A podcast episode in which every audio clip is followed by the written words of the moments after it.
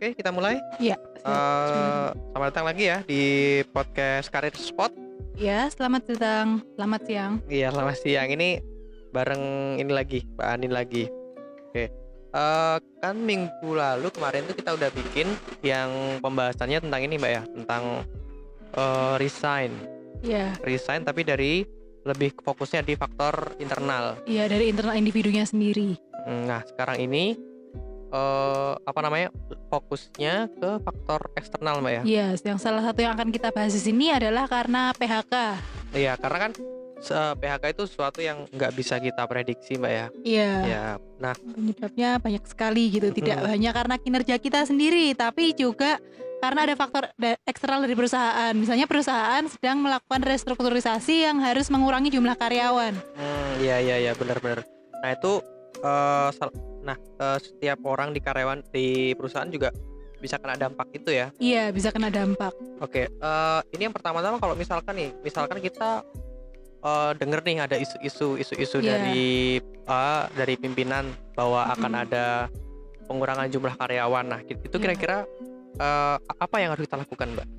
Yang harus kita lakukan yang pasti kita em, setelah mendengar isu itu kita kan ada kemungkinan kena nih dampaknya Iya, nah benar. di situlah kita harus mulai mencari pekerjaan lain alternatif yang lain selain kerja di situ apa salah satunya dengan mencari info lowongan pekerjaan misalnya di job portal job portal atau di iklan baris yang ada di koran seperti itu Oh iya iya. Dan sekarang juga banyak kan portal-portal online untuk Iya, cari pekerjaan bisa gitu ya. juga di Instagram juga ada lowongan pekerjaan Ah, ah, ya, di ya. akun-akun tertentu gitu Berarti pada saat ada info itu kita harus pasang kuda-kuda nih ya, harus Iya. siap-siap ya. betul sekali Bisa jadi kita kena Iya. gitu. Oke. Tapi kalau ini posisinya kita belum jadi korban ya, Iya, ini masih masih Apa eh, namanya? istilahnya lampu kuning gitu ya. Ah, lampu kuning siapa tahu kita juga kena kan gitu. Mm-mm. Ke kalau udah misalkan kita udah kena nih, kena korban PHK. Nah, itu eh kira-kira kalau kita belum punya pegangan apa-apa itu gimana, Mbak? Yang pasti kita em, harus udah mulai mencari pekerjaan baru, Jadi di di masa berhenti kerja itu harus bener-bener mencari ya? pekerjaan baru. heeh. Selain mencari pekerjaan baru kan pasti harus ada yang dipersiapkan, yaitu pertama kali ada CV Oke, CV. atau riwayat hidup. Terus ketika kita melamar pekerjaan, kita kan em, tahu tuh apa pe- perusahaan mana yang mau kita lamar. Nah, kita juga harus mencari tahu informasi tentang seluk-beluk perusahaan yang akan kita lamar. Oh, Oke oke oke benar-benar. Jadi dicek dulu ya perusahaannya kayak Iya. mana, lingkungan kerjanya seperti apa. Heeh, heeh. Kira-kira cocok nggak ya sama Iya. pribadi gitu ya? Iya, terus selain itu yang tidak kalah pentingnya adalah kita juga sebaiknya mengupgrade skill kita dari yang sekarang sudah kita punya ditingkatkan lagi supaya lebih baik. Caranya adalah dengan mengikuti pelatihan-pelatihan, seminar-seminar atau sertifikasi-sertifikasi gitu yang nantinya bisa kita gunakan untuk mengupgrade CV kita supaya CV kita memiliki nilai jual yang lebih seperti itu. Oh berarti eh, apa namanya biar nilai jualnya itu lebih tinggi gitu iya, ya? seperti benar. itu. Terus ketika kita tiba-tiba jadi korban PHK, Ya. yang pertama kali pokoknya yang tidak kalah penting untuk dilakukan adalah kita meminta rekomendasi lowongan pekerjaan dari siapa dari atasan kita bisa dari mantan klien jika itu perusahaannya perusahaan jasa atau dari teman kita seperti itu Oke itu iya iya itu juga kalau ada rekomendasi mungkin bisa lebih lebih terpercaya lah ya. Iya, bisa iya. lebih terpercaya dan eh, istilahnya bisa jadi link atau batu loncatan yang lebih memudahkan kita ah, untuk nantinya melamar pekerjaan. dibanding itu. tanpa rekomendasi sama sekali Iya, ya. ke- karena atasan atau mungkin rekan kerja kita tahu track record kinerja kita. Ah, Kan kita dipecat belum tentu kinerja kita buruk, bisa saja Ah, karena benar. faktor em, restrukturisasi perusahaan iya, tadi. benar benar benar. Oke, Iya. kalau eh, pas di PHK nih ada apa diputusin hubungan kerjanya. Kalau usianya udah mendekati 30 itu kan agak susah ya, Mbak ya. Iya. Itu gimana ya? Eh, bisa dijelasin nggak? Mungkin ada eh, rentetan atau apa ya? eh, tahap perkembangan karir mungkin ada gitu atau Iya. gimana? Ada.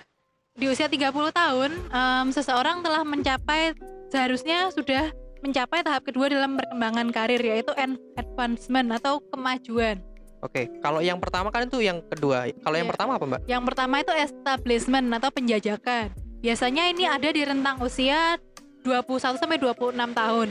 Oke. Di usia ini seseorang biasanya fresh graduate akan cenderung mencari alternatif-alternatif pekerjaan yang cocok dengan dirinya, tapi masih dalam pencarian seperti jati diri atau minat yang benar-benar dia serak. Jadi masih loncat ke sana kemari gitu untuk mencari Hmm. mana sih pekerjaan yang dia benar-benar cocok yang Iya, dia iya, benar-benar iya. passionate untuk menjalani seperti itu. Oke. Jadi pada saat itu masih penjajakan. Bisa jadi dia pindah-pindah tempat ya. Iya, misalnya dari bidang yang satunya bidang jasa, yang satunya bidang produksi, terus ke bidang lainnya seperti itu ke, ke kantoran atau kewirausahaan Iya, iya, gitu. benar. Jadi memang Ya jadi masih menjajaki minat dan kemampuannya se- ada di mana kapasitasnya. oke, benar. benar. Caranya dengan pindah-pindah gitu. Terus ketika usianya sudah semakin dewasa yaitu pada usia 26 sampai dengan 40 tahun, ada ada tahapan kedua yaitu advancement. Nah, di sini seseorang sudah mulai menguasai sudah tahu apa sih yang menjadi minatnya dan ketika dia sudah tahu, dia akan meningkatkan skillnya untuk menguasai pekerjaan sesuai yang di- dia geluti saat ini. Oh, jadi seperti pada itu. tahap ini udah orang-orang itu udah kalau di kerjaan tuh mungkin udah naik jabatan lah dari pada dari staff ke level yang lebih tinggi ya. Iya, dari staf biasa yang masih uh, mengerjakan pekerjaan yang teknis banget ke Nah. yang lebih tinggi. Uh, bisa jadi supervisor atau Hmm. manager middle level atau low level gitu, tapi bisa juga kalau toh jadi staff paling staff ahli gitu. Udah staff ahli ya Iya. posisinya karena Iya, ini di apa namanya diasumsikan bahwa dia udah kerja di situ udah lama gitu loh. betul sekali. Di usia-usia 26 itu kan Iya, harusnya orang udah kerja 3 4 tahun kali di situ ya. betul. Iya ya. Dan, Dan- itu sudah cocok bisa naik jadi staff ahli. gitu Iya, ya. u- em, pikirannya sudah tidak lagi pindah ke tempat yang satu ke tempat yang lain, tapi itu sebagai karirnya dia di jangka panjang. Oh, jadi Seperti itu. di tahap advancement itu berarti orang-orang sudah tahu ya ini yang mau saya kerjakan di 20 tahun ke depan, di 30 tahun ke Di- depan gitu ya. Iya, di lima tahun, 10 tahun seperti itu. Oke, benar Iya. benar. Eh, setelah itu gimana? Ada tahap Em, tahap ketiga adalah tahap maintenance, yaitu bagaimana mereka mempertahankan skill yang sudah mereka dapatkan dan mentransfernya ke orang lain yang membutuhkan skill itu. Seperti halnya manajer mentransfer skillnya ke supervisor, supervisor mentransfer skillnya ke staff, seperti itu.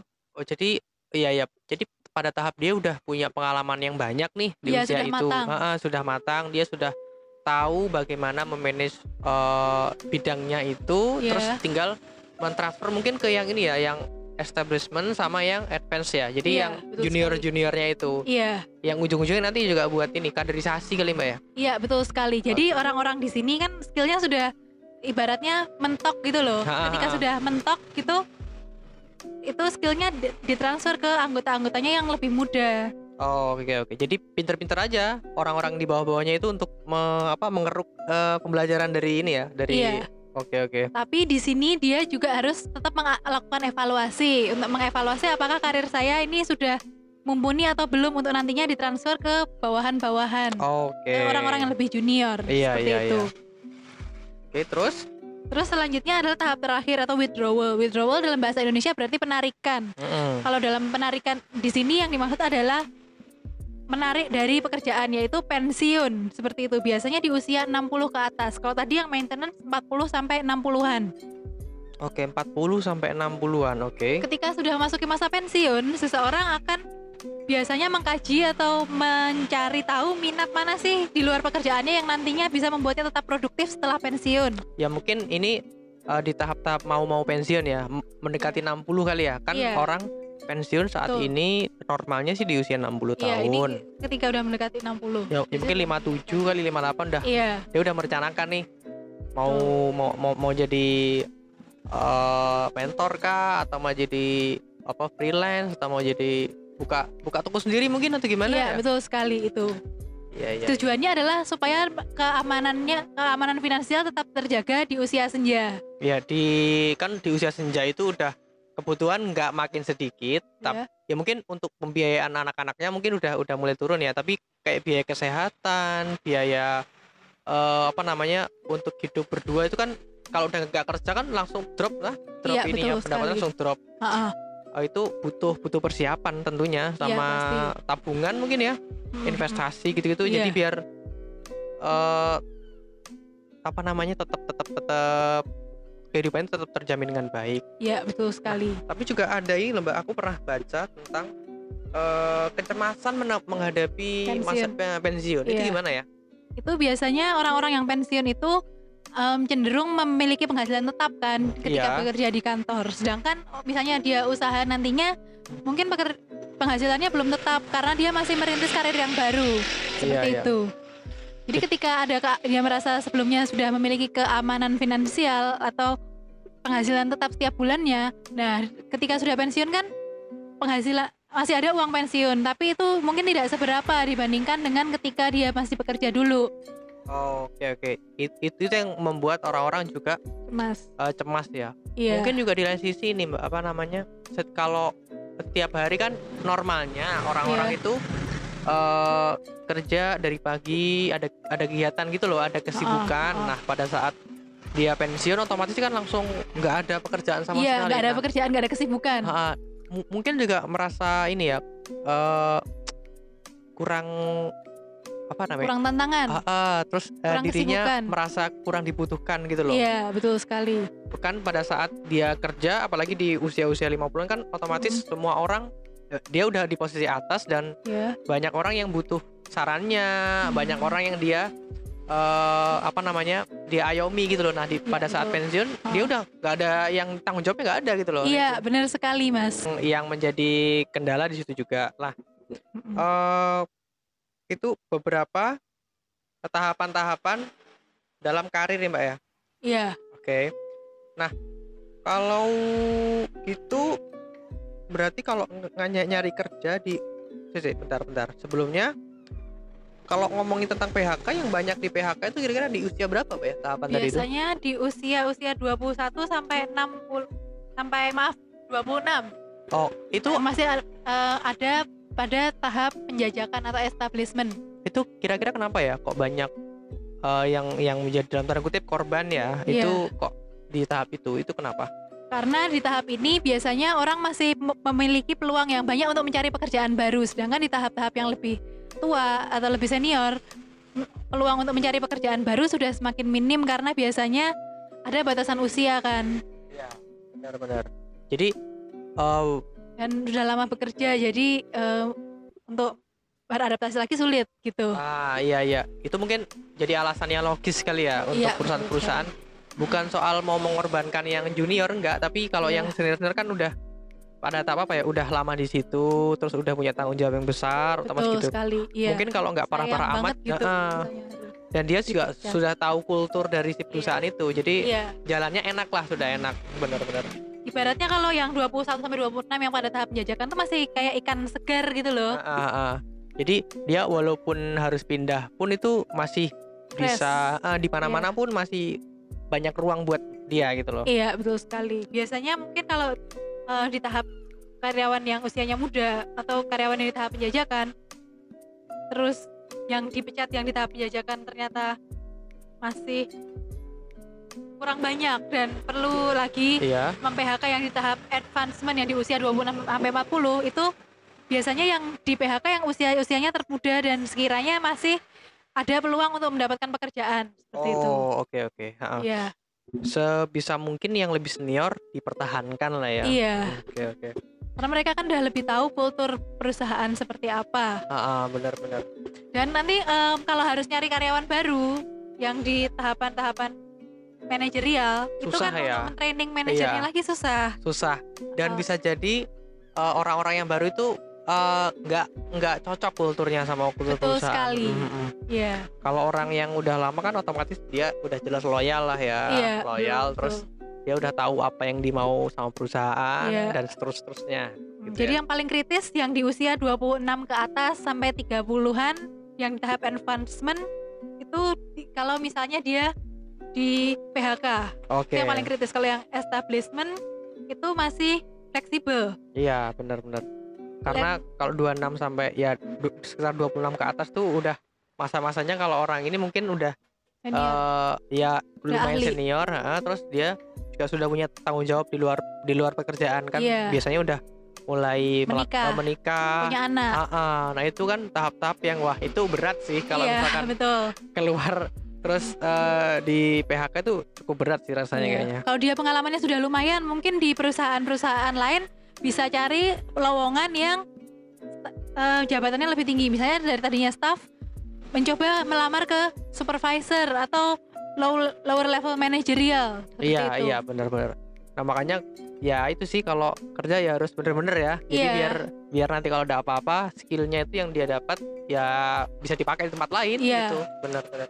Selain itu, selain mencari pekerjaan di perusahaan lain yang tidak kalah penting dilakukan untuk menstabil menjaga kondisi finansial tetap stabil ketika sedang dalam fase menunggu pekerjaan baru adalah membu- mencari peluang usaha lain. Usaha Oh, lain itu oke. bisa dilakukan dengan apa pun, salah satunya dengan hobi. Siapa tahu dari hobi yang kita miliki itu bisa mendatangkan penghasilan tambahan. I- Bisa mendatangkan cuan ya. Iya, Mungkin betul. kalau dia hobi mancing kali ya mungkin bisa jual alat-alat pancing. Iya. Terus dia bisa eh, ya pokoknya yang mirip sama hobinya itu bisa kalau ada peluang ya udah sikat aja ya. Betul. Oke. Terus kalau misalnya suka menulis gitu bisa membuat komersial blog. Oke, bisa benar-benar. Misalnya karena- tutorial um, do it yourself gitu Oke, bisa. Karena kan sekarang zaman udah canggih ya. Jadi iya tinggal orangnya sendiri aja yang harus pinter-pinter kreatif cari peluang. iya betul Oke. Terus kalau eh, caranya ini Mbak pada masa eh, ada kan se- setelah di PHK tuh ada masa masih nyari-nyari kerja tuh. Ha-ha. Eh, apa sih yang bisa dilakukan biar tetap produktif yang pertama, yang kedua bisa eh, itu menambah nilai jualnya nanti pada saat dia melamar pekerjaan baru.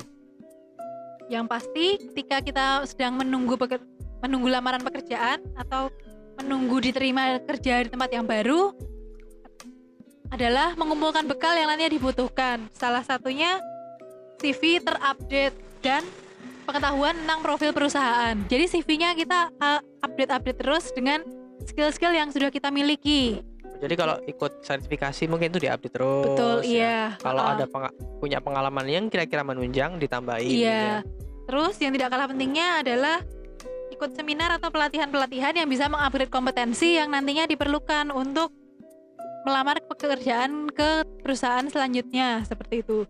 Oke. Di zaman iya. sekarang selain kompetensi-kompetensi hard skill atau soft skill, kemampuan berbahasa Inggris juga sangat penting karena em, semua literatur sekarang kan banyak yang berbahasa Inggris. Ya benar tepat-tepat. Iya, Jadi itu untuk menunjang kalau kan juga buku-buku juga kalau buku mungkin kalau tunggu terjemahannya agak lama ya. Jadi kalau dia udah punya skill bahasa Inggris itu lebih cepat untuk dapat ilmu mungkin perlu ilmu tentang manajemen yang baru atau Iya. mungkin ada perkembangan di bidangnya misalkan nih dia bidang IT misalkan itu kan Mm, mm. perlu apa eh, upgrade terus toh upgrade teknologi-teknologi baru mungkin kalau dia Iya. pinter bahasa Inggris dia lebih cepat apa namanya na- eh, dapat itunya ilmu-ilmu baru Iya, itu ya betul sekali. oke Contohnya tidak hanya buku-buku sih, gadget yang kita pakai sehari-hari saja kan banyak yang eh, menggunakan bahasa Inggris untuk tutorialnya atau untuk manualnya atau menu-menunya seperti iya itu. benar benar benar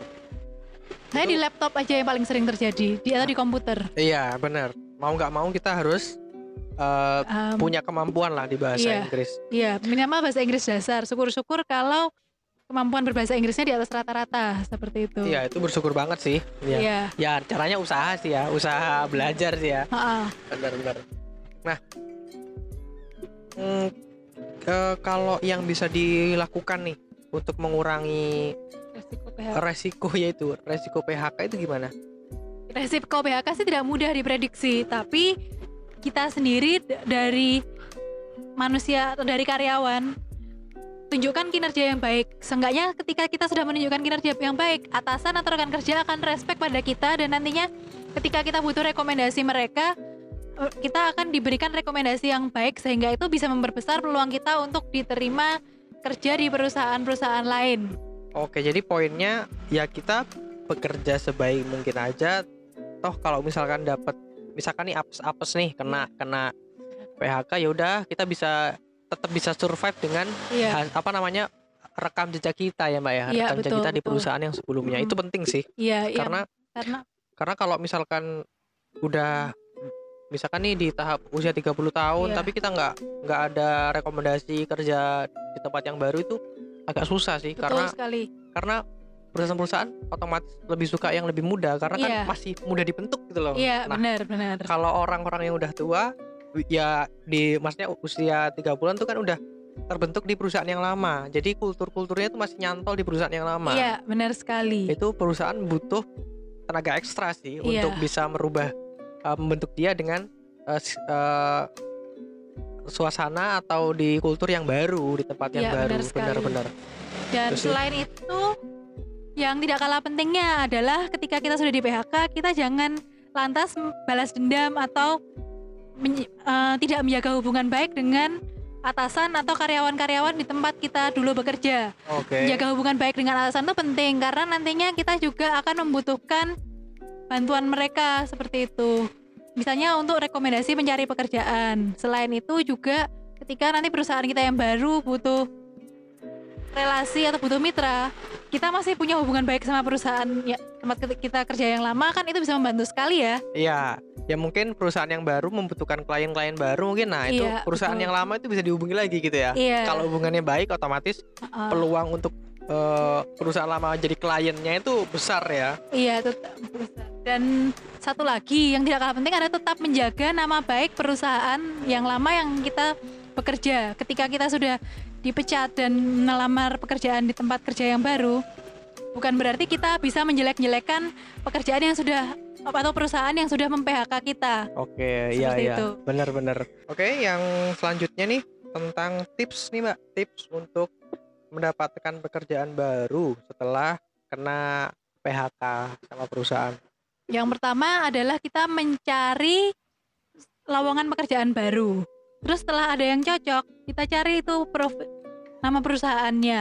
Terus setelah tahu nama perusahaannya, kita eh, browsing-browsing untuk tahu profil perusahaannya seperti apa secara garis besar. Misalnya jumlah karyawannya di sana berapa, terus budaya perusahaannya seperti apa, perusahaannya bergerak di bidang apa, seperti itu. Oke oke itu perlu banget dipelajari biar kita tahu nanti kira-kira yang harus dikerjakan tuh seperti apa. Iya, gitu-gitu yang harus ya. dipersiapkan apa?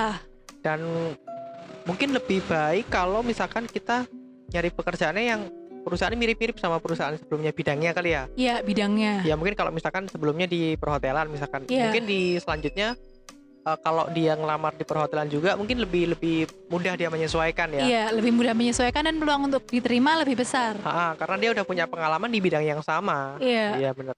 Perhotelan pun lihat dulu kulturnya seperti apa. Misalnya dulu perhotelannya eh, perusahaannya multinasional atau lokal. Ya, iya Gitu. benar-benar. Eh, Kan kalau bisa jadi budayanya berbeda. Mm-mm. ya tinggal tinggal kita gimana aja apa namanya melihat nantinya kira-kira porsinya yang kita cocok itu yang seperti apa ya Iya. disesuaikan dengan pekerjaan atau pengalaman kita sebelumnya oke Ya. siap-siap A- ada pesan-pesan lain mbak untuk Se- Selanjutnya setelah kita udah tahu mau melamar ke mana, kita Iya. siapkan CV kita. Kita upgrade dengan em, pengalaman-pengalaman kerja terbaru dan skill-skill terbaru yang sudah kita punya. oke. Selain itu, setelah kita mengumpulkan CV, terus kita juga bisa upgrading kompetensi sambil jalan. Dengan Oh, mengikuti seminar-seminar atau training-training atau sertifikasi-sertifikasi lainnya yang bisa meningkatkan hard skill dan soft skill yang nantinya dibutuhkan untuk bekerja di perusahaan baru. oke benar Dan yang tidak kalah pentingnya adalah meningkatkan kemampuan berbahasa Inggris. Hmm, oke itu nanti jadi apa salah satu poin plus ya Iya, terus yang tidak kalah pentingnya kita minta juga rekomendasi dari mantan atasan tentang kelebihan dan kekurangan kita karena itu juga nantinya berpengaruh ter- terhadap besar kecilnya peluang ketika kita melamar pekerjaan. Iya, ya dibanding orang yang nggak punya rekomendasi sama sekali, Iya. sama jadi ada yang rekomendasi sama nggak ada re- rekomendasi itu cukup ini ya, cukup Iya. jadi pertimbangan HRD Mm, ya. Betul sekali. Betul. Terus yang terakhir yang tidak kalah penting adalah jangan berekspektasi terlalu tinggi terhadap gaji. Ya, karena kan kita tahu posisi ya. Iya. Awal baru di PHK gitu-gitu ya. Iya, mm, Jadi ya seenggaknya buat bertahan hidup dulu lah, menerima iya dulu. benar benar. Nanti seiring berkembangnya waktu kita mungkin bisa negosiasi gaji ya. Iya, Soal nanti mungkin posisinya naik, terus apa namanya skillnya kita juga naik, mungkin bisa Iya. dinegosiasikan lagi ya iya betul sekali. soal gaji. Negosiasi gaji itu boleh kan mbak ya? Boleh. Boleh, asalkan kita tahu diri ya. Ya tahu diri, tahu posisi kita Iya. seperti apa. Ah, Misalnya kita em, berapa orang yang tanggung, masih single atau sudah menikah? mm-mm, Sudah menikah berapa anaknya? Oke. Seperti itu. Itu terus juga eh, kontribusi kita buat perusahaan seperti Iya. apa? Iya Ah. benar. Terus pertimbangkan juga skill yang kita miliki. Mm-mm. Karena nah itu kaitannya sama kontribusi kita nantinya terhadap perusahaan. Kalau misalkan kita kontribusinya semakin lama semakin tinggi, otomatis kita boleh dong negosiasi ya. Boleh. Apalagi juga tanggung jawabnya semakin dikasih tanggung jawab gede, otomatis Iya. boleh dong. Gitu. Iya, ya. betul sekali. Oke, eh, cukup sekian ya Mbak. Iya. Oke, terima kasih sudah mendengarkan podcast kita kali ini. Terima kasih kembali. Selamat siang. Oke, kita akan sambung besok-besok lagi ya Mbak ya. Iya. Oke, terima kasih.